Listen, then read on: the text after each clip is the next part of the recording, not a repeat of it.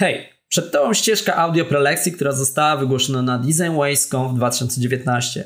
Mamy nadzieję, że będzie ona dla Ciebie wartościowa. Pamiętaj również, że nagrania wideo znajdziesz na platformie YouTube. Zapraszamy na nasz fanpage DesignWays.com po więcej materiałów.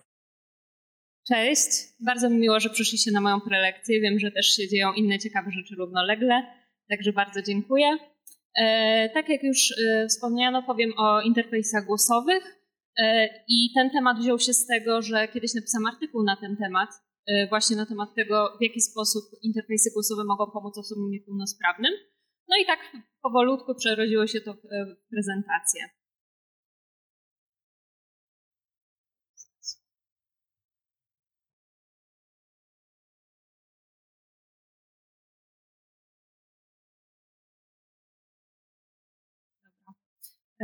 Są na tej sali osoby, które mnie znają, ale większość mnie pewnie nie zna, więc przedstawię się. Nazywam się Olga Wojnarowska, jestem badaczką UX. E, mam w tym momencie zaczął mi się czwarty rok doświadczenia właśnie na tym stanowisku jako badaczka. E, patrząc na to, że używam słowa badaczka, już wiadomo, że jestem zwolenniczką feminatywów. Tak.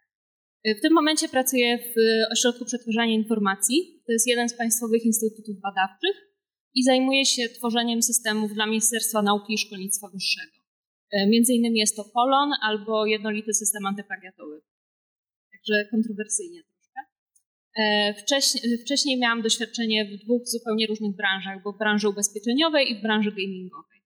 A teraz przyszłam sobie właśnie do Państwa. E, oprócz tego jestem absolwentką studiów dalekowschodnich, interesuję się Chinami. Moja praca dyplomowa dotyczyła mediów społecznościowych w Chińskiej Republice Ludowej. Jeśli jesteście ciekawi, to możecie mnie zagadać po prelekcji, chętnie o tym opowiem. Jeszcze jedna rzecz na mój temat jest taka, że generalnie boję się wystąpień publicznych, wobec tego staram się to robić jak najczęściej, żeby przełamywać ten strach. Występowałam wcześniej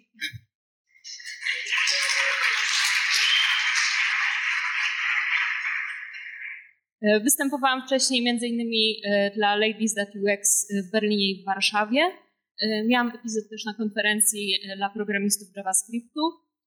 No i teraz jestem tutaj na Design Ways. Dobrze, zaczniemy sobie od tego, czym są asystenci głosowi. Na początek krótka historia. Kiedy robiłam research do tej prezentacji, natknęłam się na temat wykorzystania sterowania mową wózków inwalidzkich.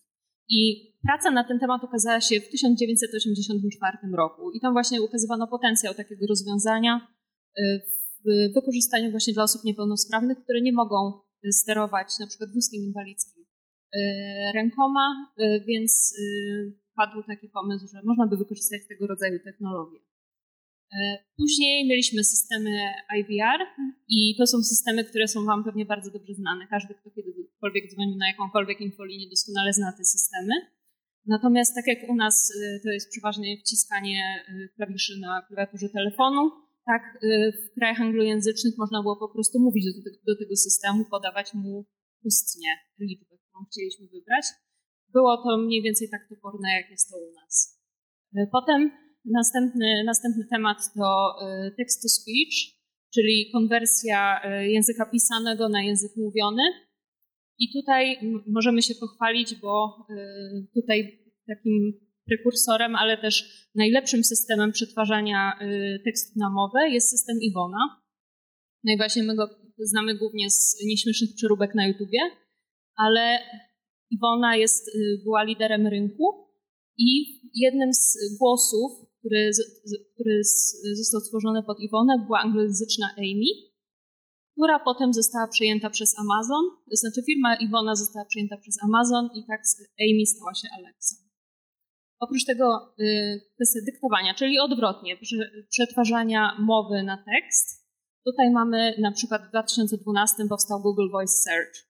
Także jeszcze przed tą erą asystentów głosowych mogliśmy mówić do telefonu, a on przetwarzał to na mowę. Oczywiście nie była to jeszcze konwersacja. E, no i teraz mamy na rynku smart speakers, czyli inteligentne głośniki. W Stanach Zjednoczonych już jedna czwarta, e, jedna czwarta Amerykanów ma w domu e, inteligentny głośnik i przewiduje się, że w ciągu najbliższych kilku lat w ciągu najbliższych kilku lat inteligentne głośniki przybiją tablety. Dobrze, jakich mamy pięć najważniejszych na rynku inteligentnych głośników? Oczywiście, oczywiście Amazon Echo, mamy Google Home, ale mamy też, i tutaj nie mogłam się powstrzymać, żeby o tym nie wspomnieć, mamy trójkę liderów rynku chińskiego, czyli mamy Baidu Xiaodu, mamy, przesunę, mamy z Alibaby Tmall Genie, co mi się bardzo podoba, bo pozostajemy w tym klimacie właśnie Tysiąca i Jednej Nocy. Po chińsku jest Tianma Xingming, czyli Tmall geniusz, ale z geniuszem, z tego co widziałam po testach, to ma niewiele wspólnego, niestety. No i mamy jeszcze znana w Polsce marka Xiaomi, mamy Mi AI I teraz chciałabym Wam pokazać, jak, się, jak wygląda udział rynkowy. No więc tak, na początku, na początku mieliśmy tutaj bardzo silną pozycję Amazona, 2000, trzeci kwartał 2016. No i potem tak kwartal po kwartale ten udział zmniejszał się, coraz silniej yy, tutaj wybrzmiewał Google. I w końcu dochodząc do 2018, tutaj zaczęli się rozpychać gracze chińscy. Tutaj mamy Alibabę, mamy Xiaomi, też Apple. Jeszcze tylko chciałam zaznaczyć yy, dla pewności, mówimy tutaj tylko i wyłącznie o inteligentnych głośnikach. Nie mówimy o asystentach w telefonach. Dlatego jest taka słaba tutaj pozycja Apple'a. Yy, I teraz tak. Tutaj zaszła ciekawa zmiana, bo tutaj mamy na szaro mamy Baidu i Baidu w tym momencie, w drugim kwartale 2018 zaczął się powoli rozrastać, aż w końcu stał się y, drugim kolejności udziałowcem rynku smart speakerów y, na świecie. I pytanie, dlaczego tak się stało? To Baidu zaliczyło od, y, w ciągu jednego roku, od drugiego kwartału 2018 do drugiego kwartału 2019, wzrost 3700%. Dlaczego tak się stało? Stało się tak dlatego, że wcześniej Wcześniej, kiedy praktycznie ich tutaj nie było, mieli głośnik, który kosztował w przeliczeniu 335 zł. Potem wypuścili głośnik, który kosztował 50 zł. I w tym momencie wystrzelili w górę. No i tutaj tak może bardziej, bardziej widocznie, choć wiem, że wykresy kołowe nie cieszą się y, zbyt dobrą renomą, ale może to, to Wam jeszcze lepiej pokażę. Właśnie tutaj mamy Baidu, drugi kwartał 2018 a tutaj już jest drugi na rynku. Wybrzytek kula. Dobrze. E, I teraz tak. E, co, co potrafi asystent głosowy? W jaki sposób e, może on nam pomóc? Generalnie asystent głosowy działa tak, że wypowiadamy tak zwany wake word, czyli słowo, które uruchamia tego asystenta i sprawia, że on nas zaczyna słuchać. Z tym wake word mam taką anegdotę. Nie wiem, czy ktoś tutaj, tutaj oglądał film Mean Girls. W każdym razie jest tam taka scena, gdzie dziewczyny przepraszają się. I e, ktoś, taki, taki był tweet, ktoś oglądał ten film i było tak Alyssa, I'm sorry I told you a gap, gap tooth bitch. I w tym momencie uruchomiła się Alexa w domu tej osoby i Alexa powiedziała no worries. Ok, więc tak, o co można zapytać asystenta? Można go zapytać o pogodę, można zapytać, żeby, poprosić, żeby przeczytał nam najnowsze informacje. E, może nam pomóc e, w nauce wymowy. Ja go bardzo często używam, e, żeby sprawdzić, czy na pewno, kiedy, czy na pewno umie rozróżnić, czy zamawiam pierogi, czy chcę iść spać, bo po chińsku to brzmi prawie tak samo. I przeważnie mi się nie udaje, przeważnie mi odpowiada nie to, co trzeba, ale ćwiczę. I tak, więc mamy bardzo dużo różnych funkcji, różnych rzeczy, o które możemy poprosić asystenta, a i tak koniec końców używamy go do tego, żeby ustawić minuty. To jest najbardziej popularna funkcja, do którego używa się, używa się asystenta głosowego. E, ale ma to sens, ponieważ jeśli chodzi o asystentów głosowych, to e, fajnie one uzupełniają się z interfejsami graficznymi.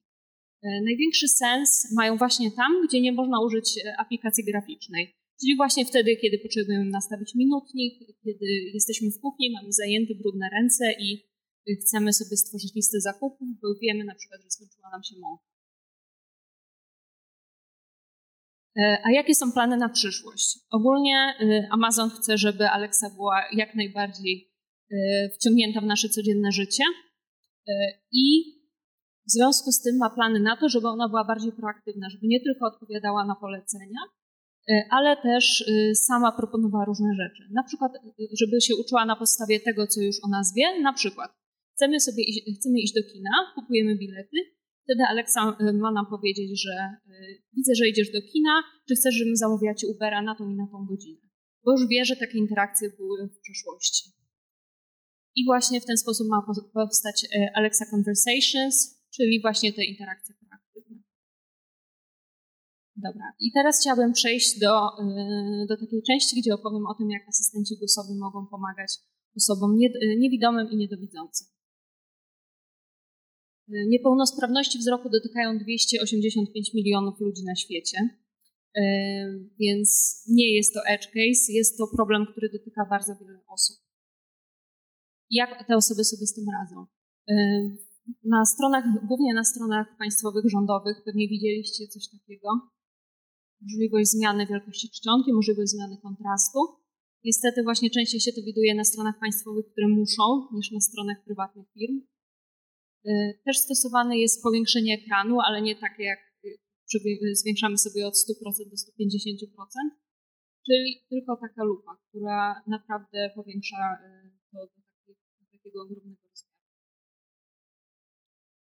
Oprócz tego mamy czytniki ekranu i chciałabym Wam pokazać, jak wygląda taki czytnik ekranu, ponieważ to jest bardzo, bardzo interesująca sprawa. Nie wiem, czy ktokolwiek z Was kiedyś miał, miał okazję się zapoznać z czytnikiem ekranu. Podnieście proszę ręce.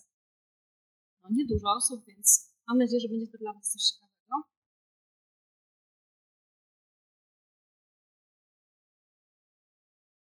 I tutaj e, czytnik ekranu na stronie Cheesecake Factory. Are at Welcome to the Cheesecake Factory. the Cheesecake Factory.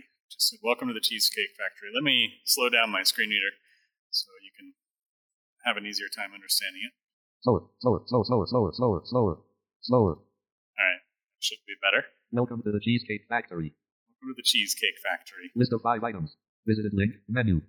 So we've got a list of five items. We've got a link, which is menu, Visited link. Locations.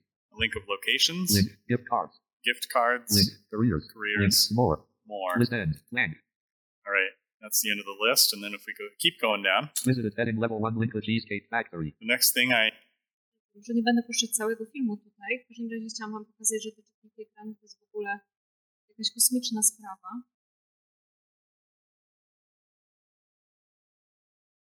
One naprawdę bardzo, bardzo y, szybko czytają ten tekst, ale i tak mają problem, bo w momencie, kiedy taka osoba chce sobie przejrzeć, y, chce sobie przejrzeć jakąś stronę internetową, przejrzeć, no właśnie nie przejrzeć, tylko wysłuchać, to musi w tym momencie, ten screen reader musi przejść przez całą stronę, żeby dotrzeć do tego, co jest interesujące.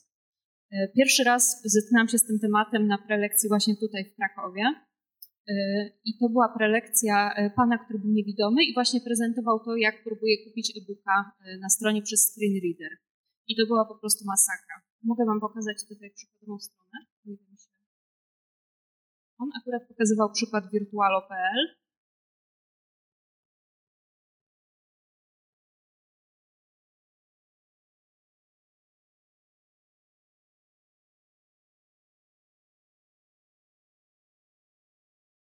Więc jak widzicie, y, screen reader by tutaj zaczął pewnie czytać od Facebooka, Instagrama, YouTube'a, logowanie, rejestracja, realizacja. Zanim by dotarł do konkretnej książki i konkretnego zakupu,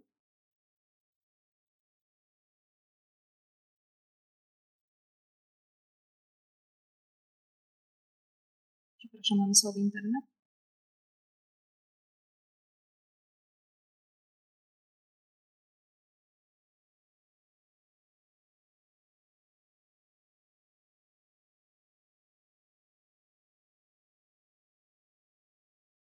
No ale mniej więcej tyle czasu by tak samo zajęło czytanie tego, czytanie tego przez screen reader. No bo właśnie, idziemy najpierw w tą górną belkę menu, potem mamy napis Virtualo, potem mamy wyszukiwarkę, wyszukiwarka wpisz szukane słowa, cała oferta, szukaj, i koszyk. O właśnie. Tutaj znowu e-booki, audiobooki, to wszystko by nam po kolei czytał i, do, i zginęłoby strasznie dużo czasu, zanim by przeszedł do koszyka. I w momencie, kiedy obejrzałam tą prezentację pierwszy raz, e, pomyślałam sobie, że asystenci głosowi mają przede wszystkim bardzo duży potencjał dla takich osób, które właśnie tracą bardzo dużo czasu, kiedy chcą coś kupić w internecie i screenreader musi przejść przez, cały, przez całą stronę, zanim oni będą mogli coś faktycznie z nim zrobić.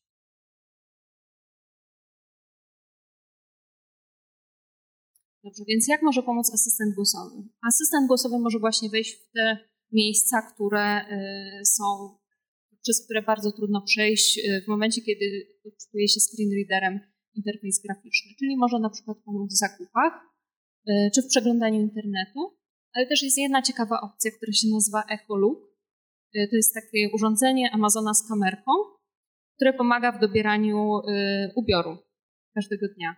I to jest generalnie dla osób, które chcą się dobrze wystylizować i chcą sprawdzić, które rzeczy pasują do, na, można sprawdzić na przykład, co pasuje do karnacji albo co pasuje do innego elementu ubioru i w ten sposób lepiej się ubierać. No ale właśnie osobom, które są niewidome, to tym bardziej pomaga, bo pozwala im zobaczyć, w jaki sposób ich strój komponuje się i jak nim wyglądają. Natomiast y, jeśli chodzi o problemy, no to tak, y, taki as, y, asystent głosowy, taki smart głośnik wyłącza się sam. I na przykład w przypadku y, echo pokazuje się lampka, y, y, kiedy asystent jest aktywny, wyświetla się lampka i osoby niewidome nie widzą, nie wiedzą, kiedy asystent się wyłączył, więc mówią do niego, mówią, a jeśli nie użyją tego, tego wake word Alexa, to wtedy nie będą mogli się z nim porozumieć. Więc tutaj pojawia się problem. Drugi problem jest taki, że smart głośnik nie jest samowystarczalny. On jest sparowany z graficzną apką i w momencie, kiedy kiedy nie ma się dostępu do tej graficznej apki, bo po prostu nie widzi się jej, to pojawia się problem. Więc tutaj przydałoby się, żeby jednak te aplikacje głosowe były samowystarczalne i nie wymagały tej e, interakcji z aplikacją graficzną. Oprócz tego, tutaj e, czytałam, że Amazon to, to poprawił, zajął się tym, ale dużym problemem w interakcji z na przykład z Alexą jest to, że, że przepraszam, Y, że tempo, y, tempo czytania stosowane przez Alexę jest wręcz nieznośne dla osób, które są przyzwyczajone do screen readera i tej szybkości. Mogliście zobaczyć na filmiku, jak bardzo szybko on był spowolniony. Jak bardzo szybko y, screen reader czyta. Zresztą to, to jest analogiczne do tego, jak my czytamy książki. Bo nie idziemy sobie słowo po słowie, tylko czytamy, skanujemy. No i tak samo to wygląda, kiedy się słucha książki przez, przez screen readera. I, oglądałam właśnie taki filmik, jest taka niewidoma blogerka na YouTubie. E, ma na imię Molly, nie pamiętam niestety nazwiska, coś na B. W każdym razie Molly opowiadała o tym, jak e, kiedy zwalnia e, swojego screen readera, to ją to wręcz irytuje. Ona nie może tego znieść, kiedy on nie jest na pełnej prędkości. I tak samo irytuje Alexa czy inny asystent. Dobrze. Teraz chciałabym opowiedzieć o tym, jak asystenci mogą pomagać y, osobom starszym. I tutaj, tak jak, y, tak jak ogólnie nie przepadam za autopromocją na eventach, tak tutaj faktycznie ma zastosowanie to, że opowiem o badaniu, które prowadził właśnie mój ośrodek przetworzenia informacji. I to było badanie fokusowe z osobami starszymi, gdzie one miały właśnie możliwość zapoznania się z interfejsami głosowymi. I miały się trochę nimi, y, chwilę, się, chwilę była taka prezentacja, gdzie mogli z nimi y, trochę się pobawić Google Home. Była też również dyskusja i taki brainstorm, co można by poprawić, co można by jeszcze y, dodać. To badanie przeprowadziliśmy w Warszawie. Było tam siedmioro uczestników. Te osoby miały średnie wieku wynosiła 73 lata. Nie była to typowa grupa emerytów, bo siłą rzeczy Google Home jest dostępny w języku angielskim, więc musiały być to osoby, które trochę znały język angielski. Przy okazji okazało się, że wyszły nam osoby, które są y, aktywne w lokalnej społeczności y, i które y, są też dość dobrymi użytkownikami internetu, więc nie była to taka dokładnie idealna próba, natomiast będziemy powtarzać to badanie w przyszłości, kiedy Google Home już pojawi się w języku polskim. Dobrze. I co się okazało? Asystent głosowy został przyjęty bardzo ciepło.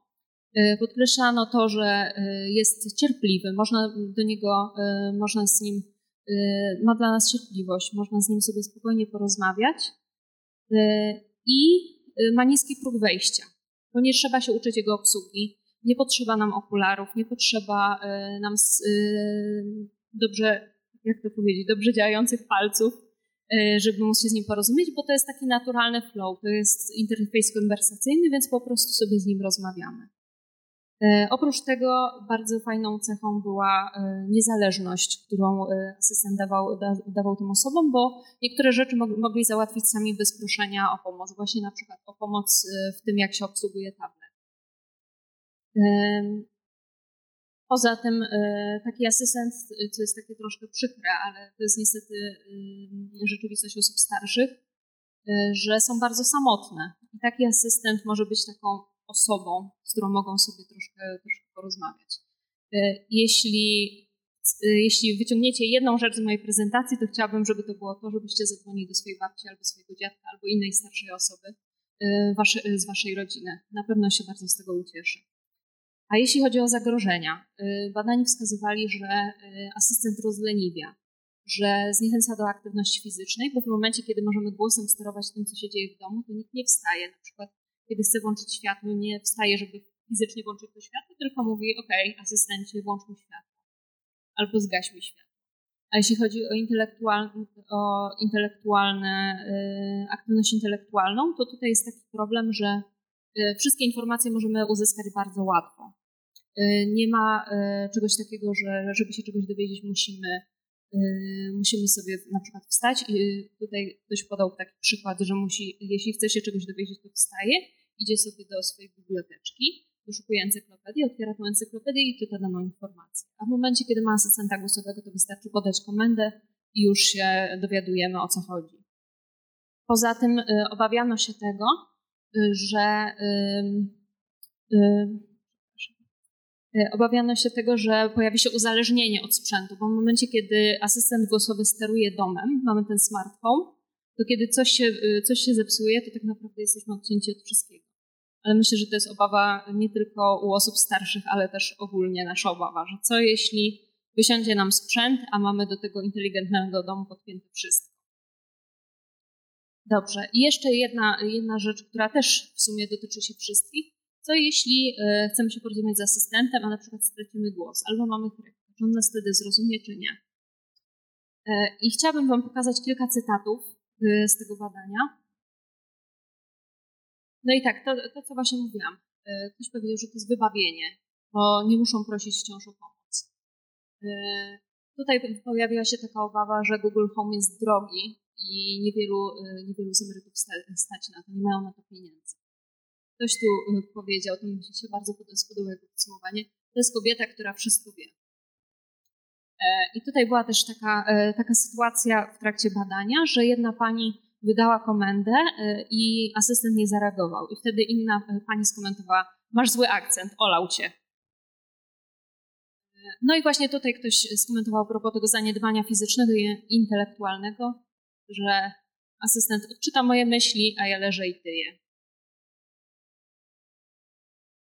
Dobrze, i teraz chciałabym przejść do tego, jak e, asystent może wchodzić w interakcję z dziećmi. E, I tak. Czego asystent uczy nasze dzieci? Ogólnie asystent to jest bardzo fajna sprawa e, dla rodziców, którzy są zajęci i którzy też mają mało cierpliwości, bo takie małe dzieci cały czas zadają takie same pytania. I te pytania mogą być męczące, i w tym momencie wkracza asystent, który ma do tego cierpliwość. I nawet jeśli usłyszy 50 razy to samo pytanie, to nigdy się nie zniecierpliwi e, i nie będzie się złościł na to dziecko.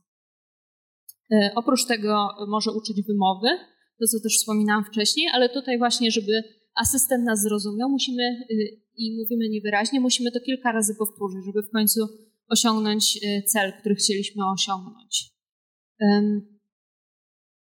Oprócz tego asystent może pomóc z pracą domową y, i może też zaangażować rodzinę do wspólnej zabawy, na przykład poprzez jakieś gry. Natomiast są też duże minusy y, używania asystentów przez dzieci, na przykład y, sam fakt, samo to, jak się wypowiada komendy. Raczej, kiedy ktoś rozmawia z asystentem, raczej nie używa słowa proszę, tylko mówi Aleksa zrób to, Aleksa zrób tamto. I o ile u dorosłych to nie jest jakiś taki duży problem, o tyle u dzieci może to sprawić, że one zaczną y, się tak odzywać do wszystkich. Nie stosować takich, y, takich y, uprzejmości, oduczą się proszenia albo w ogóle się nie nauczą proszenia. I no po prostu wyrobią się u nich złe maniery. Inny problem jest taki, że asystent głosowy uczy dzieci natychmiastowej gratyfikacji, która jest bardzo szkodliwa. Ogólnie dzieci, które się przyzwyczaiły do natychmiastowej gratyfikacji, gorzej sobie radzą w dorosłym życiu. Dlatego jest problemem właśnie to, że w momencie, kiedy zadajemy pytanie, wydajemy komendę, to wszystko dzieje się natychmiastowo. Nie jest jakby odłożony ten moment gratyfikacji. Poza tym asystent głosowy trochę oddala od świata rzeczywistego, kiedy dzieci zaczynają z nim za dużo rozmawiać. Poza tym zaczynają sobie trochę personifikować, zwłaszcza te małe dzieci, zaczynają sobie personifikować asystenta i rozmawiać z nim tak, jakby był człowiekiem. Ale co ciekawe, starsze dzieci mają tendencję do tego, żeby zwierzać się asystentowi i opowiadać mu rzeczy, których nie odpowiedziałyby dorosłym albo w ogóle członkom swojej rodziny. No i jak już mówimy o zwierzaniu się asystentowi, to jest bardzo ważna, bardzo ważna kontrowersja, czyli kto słucha tego, co my mówimy do asystenta. No i tak, y, jeśli asystent ma się rozwijać, to potrzebuje wsparcia. Z jednej strony ma uczenie maszynowe, a z drugiej strony też siedzą ludzie, którzy po prostu to y, przesłuchają różne próbki i y, w momencie, kiedy te próbki zostały niezrozumiane, oni siadają z tą próbką i zastanawiają się, co autor miał na myśli. I takie osoby, czytam właśnie, że są takie osoby zatrudnione w Amazonie. One pracują 9 godzin dziennie i przez te 9 godzin wysłuchują tak średnio około tysiąca próbek. Część robi to sama, ale jeśli mają jakieś wątpliwości, to dzielą się z tym na jakimś wspólnym kanale komunikacji i razem zastanawiają się nad tym, co tam mogło, y, co tam mogło zostać wypowiedziane. I tutaj pojawia nam się dylemat moralny, bo te osoby słyszą naprawdę różne rzeczy. I teraz pytanie, co robić, kiedy ktoś usłyszy na, na przykład odgłosy znęcania się nad dziećmi albo odgłosy napaści seksualnej. I tutaj y, były, pojawiały się takie głosy z wewnątrz Amazona, że takie rzeczy były zgłaszane, jakieś takie wyjątkowe, ekstremalne sytuacje. I Amazon stwierdził, że to nie jest jego sprawa i nie będzie się tym zajmował. Teraz pytanie, czy w takiej sytuacji warto przekroczyć tę granicę i warto zainterweniować, czy jednak właśnie siedzimy i udajemy, że wcale nie potrzebujemy? Hmm. Y, a jeśli chodzi właśnie, jak to zrobić, żeby asystent nas jednak nie słuchał? Y, po pierwsze, jest taka sprawa, że jeśli chodzi o asystenta Google'a, można sobie na stronie sprawdzić, y, ściągnąć sobie próbki, wszystko, wszystko, wszystko co o nas podsłuchał. Wszystkie te próbki, które mu się udało nagrać. Podobno jest to dość ekstremalne przeżycie, żeby się z tym wszystkim, po pierwsze, żeby zobaczyć, jaka jest tego ilość ogromna, po drugie, żeby zobaczyć, co się nagrywa, bo to niekoniecznie są komendy, ale też różne rzeczy w tle. I też inna sprawa, że na przykład w Aleksie jest możliwość wyłączenia nagrywania próbek, właśnie kiedy asystent nas nie rozumie, on nagrywa tą próbkę i wysyła do, do analizy. Więc możemy zaznaczyć, że nie, chce, nie życzymy sobie, żeby asystent w ten sposób, żeby asystent nas nagrywał i żeby te próbki były przetwarzane, ale niestety ta opcja jest domyślnie włączona. Więc trzeba o tym wiedzieć, że coś takiego się dzieje i trzeba aktywnie znaleźć tą opcję, żeby ją odznaczyć. No i na koniec y, chciałabym Was zapytać, jak myślicie, jaka grupa jest wykluczona przez asystenta głosowego? Głuchoniemi. Właśnie, dokładnie tak. Y, no i mamy tutaj y, kwestię właśnie osób niesłyszących, i tego, jak one sobie radzą. No one są siłą rzeczy wykluczone. No bo as, interfejs głosowy właśnie na tym polega, żebyśmy porozumiewali się głosowo z maszyną. I co Amazon zrobił dla takich osób?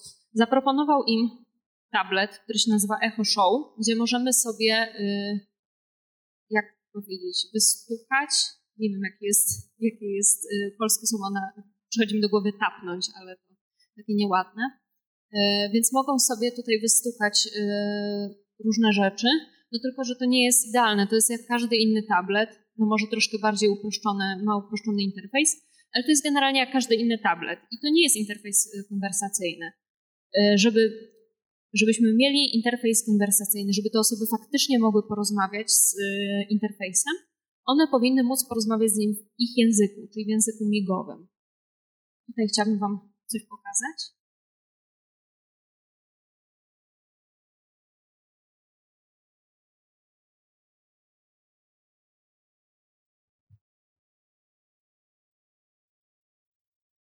To jest człowiek, który postanowił rozwiązać problem.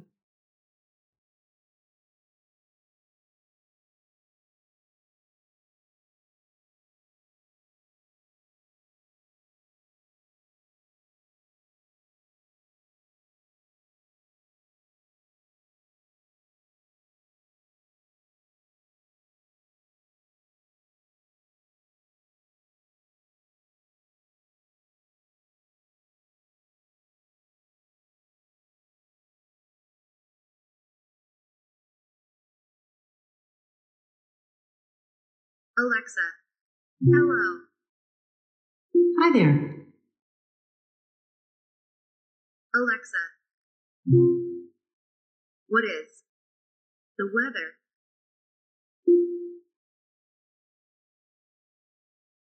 Right now in New York, it's 29 degrees Celsius with partly sunny skies. Today's forecast has lots of clouds, with a high of 34 degrees and a low of 24 degrees. Alexa.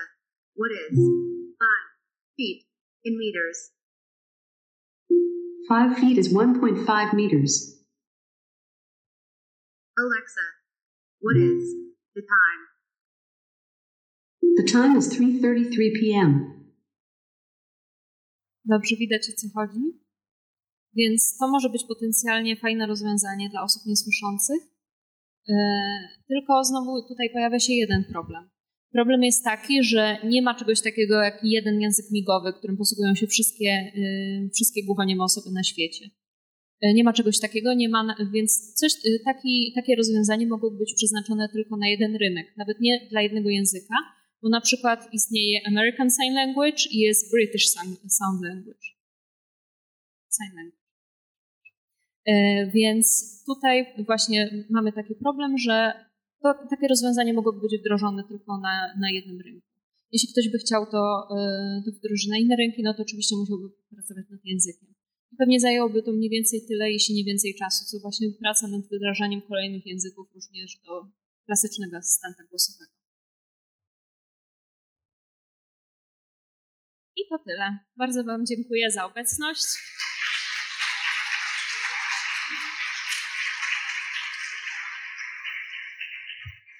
Dzięki wielkie. I mamy jeszcze chwilę na pytania. Za pytania dajemy pieczątki, tu jest pierwsza osoba. Dzień dobry. Ja chciałem zapytać, czy wiesz coś na temat tego, jak y, asystenci głosowi zostaną lub zostają spolszczani? Czy się nad tym pracuje i czy są jakieś y, przewidywania na ten temat? Bo jednak język angielski, no, mimo że operuje nim wiele osób, to u nas w kraju jest y, średnio przydatny z tej perspektywy. Znaczy tak, jeśli dobrze zrozumiałam Twoje pytanie, bo części nie usłyszałam. E, To ja może powtórzę. Chodzi mi o to, czy wiesz, y, w jakim tempie odbywają się prace nad y, spolszczeniem asystentów Aha, okej. głosowych? Dobra, dobra, czyli dobrze zrozumiałam. Okej, y, więc y, oczywiście Google nad tym pracuje. Mamy już zalążek polskojęzycznego asystenta głosowego, który nie działa idealnie, ma swoje problemy, natomiast jest rozwijany i myślę, że entuzjaści technologii pomagają go rozwijać, mówiąc do niego i testując go. Natomiast z tego, co mi wiadomo, Amazon w ogóle nie ma takich planów, żeby tworzyć y, polskojęzyczną wersję. Może się to zmieni, może też się mylę i czegoś akurat nie, nie jestem na bieżąco, ale z tego, co mi wiadomo, nie mają takich planów. Okej, odpowiedziane? W miarę? W miarę. E, ktoś jeszcze pytanie? Ręka w górę, ktoś coś o coś chce spytać. Pieczątki dajemy, za pieczątki dajemy nagrody. E, Olga, chcesz coś jeszcze sama dodać? E, tak, ja chciałam jeszcze. O, no, warto było czekać. Ja jestem ciekawa tych dzieci jeszcze. W sensie, to były badania, które ty prowadziłaś? Czy to były prowadzone przez twojego pracodawcę? Czy tylko to seniorzy byli? Bo ja chyba tego nie złapałam. e, Znaczy, te badania nie były prowadzone przez. e, Znaczy, był, e, z tego co mi wiadomo, powstał artykuł naukowy był u mnie w, przez pracowników mojej firmy stworzony. E, Natomiast e, nie jestem pewna, mogę się, mogę się dopytać i po prostu dać Nie, znać. byłam ciekawa, czy ty w tym uczestniczyłaś, bo generalnie Nie, nie, nie, nie y, uczestniczyłam temat ekspozycji w Mhm. ogóle dzieci na y, wszelkie interaktywne, całą interaktywną elektronikę jest jakby ciekawy i tego, na ile im na to pozwalać, a na ile nie. Tak, to jest, zgadzam się, że to jest bardzo ciekawe. Podzieliłam się tym, co wiem, natomiast nie, niestety nie uczestniczyłam w takich badaniach osobiście. Y, Chciałabym powiedzieć, że jeśli ktoś ma pytanie, na przykład przypomni się komuś pytanie później, to może mnie złapać mailowo albo na Twitterze. I podam też y, mój nick z Medium. I tam właśnie możecie znaleźć między innymi ten artykuł, o którym wspomniałam, od którego się wzięła ta cała prezentacja.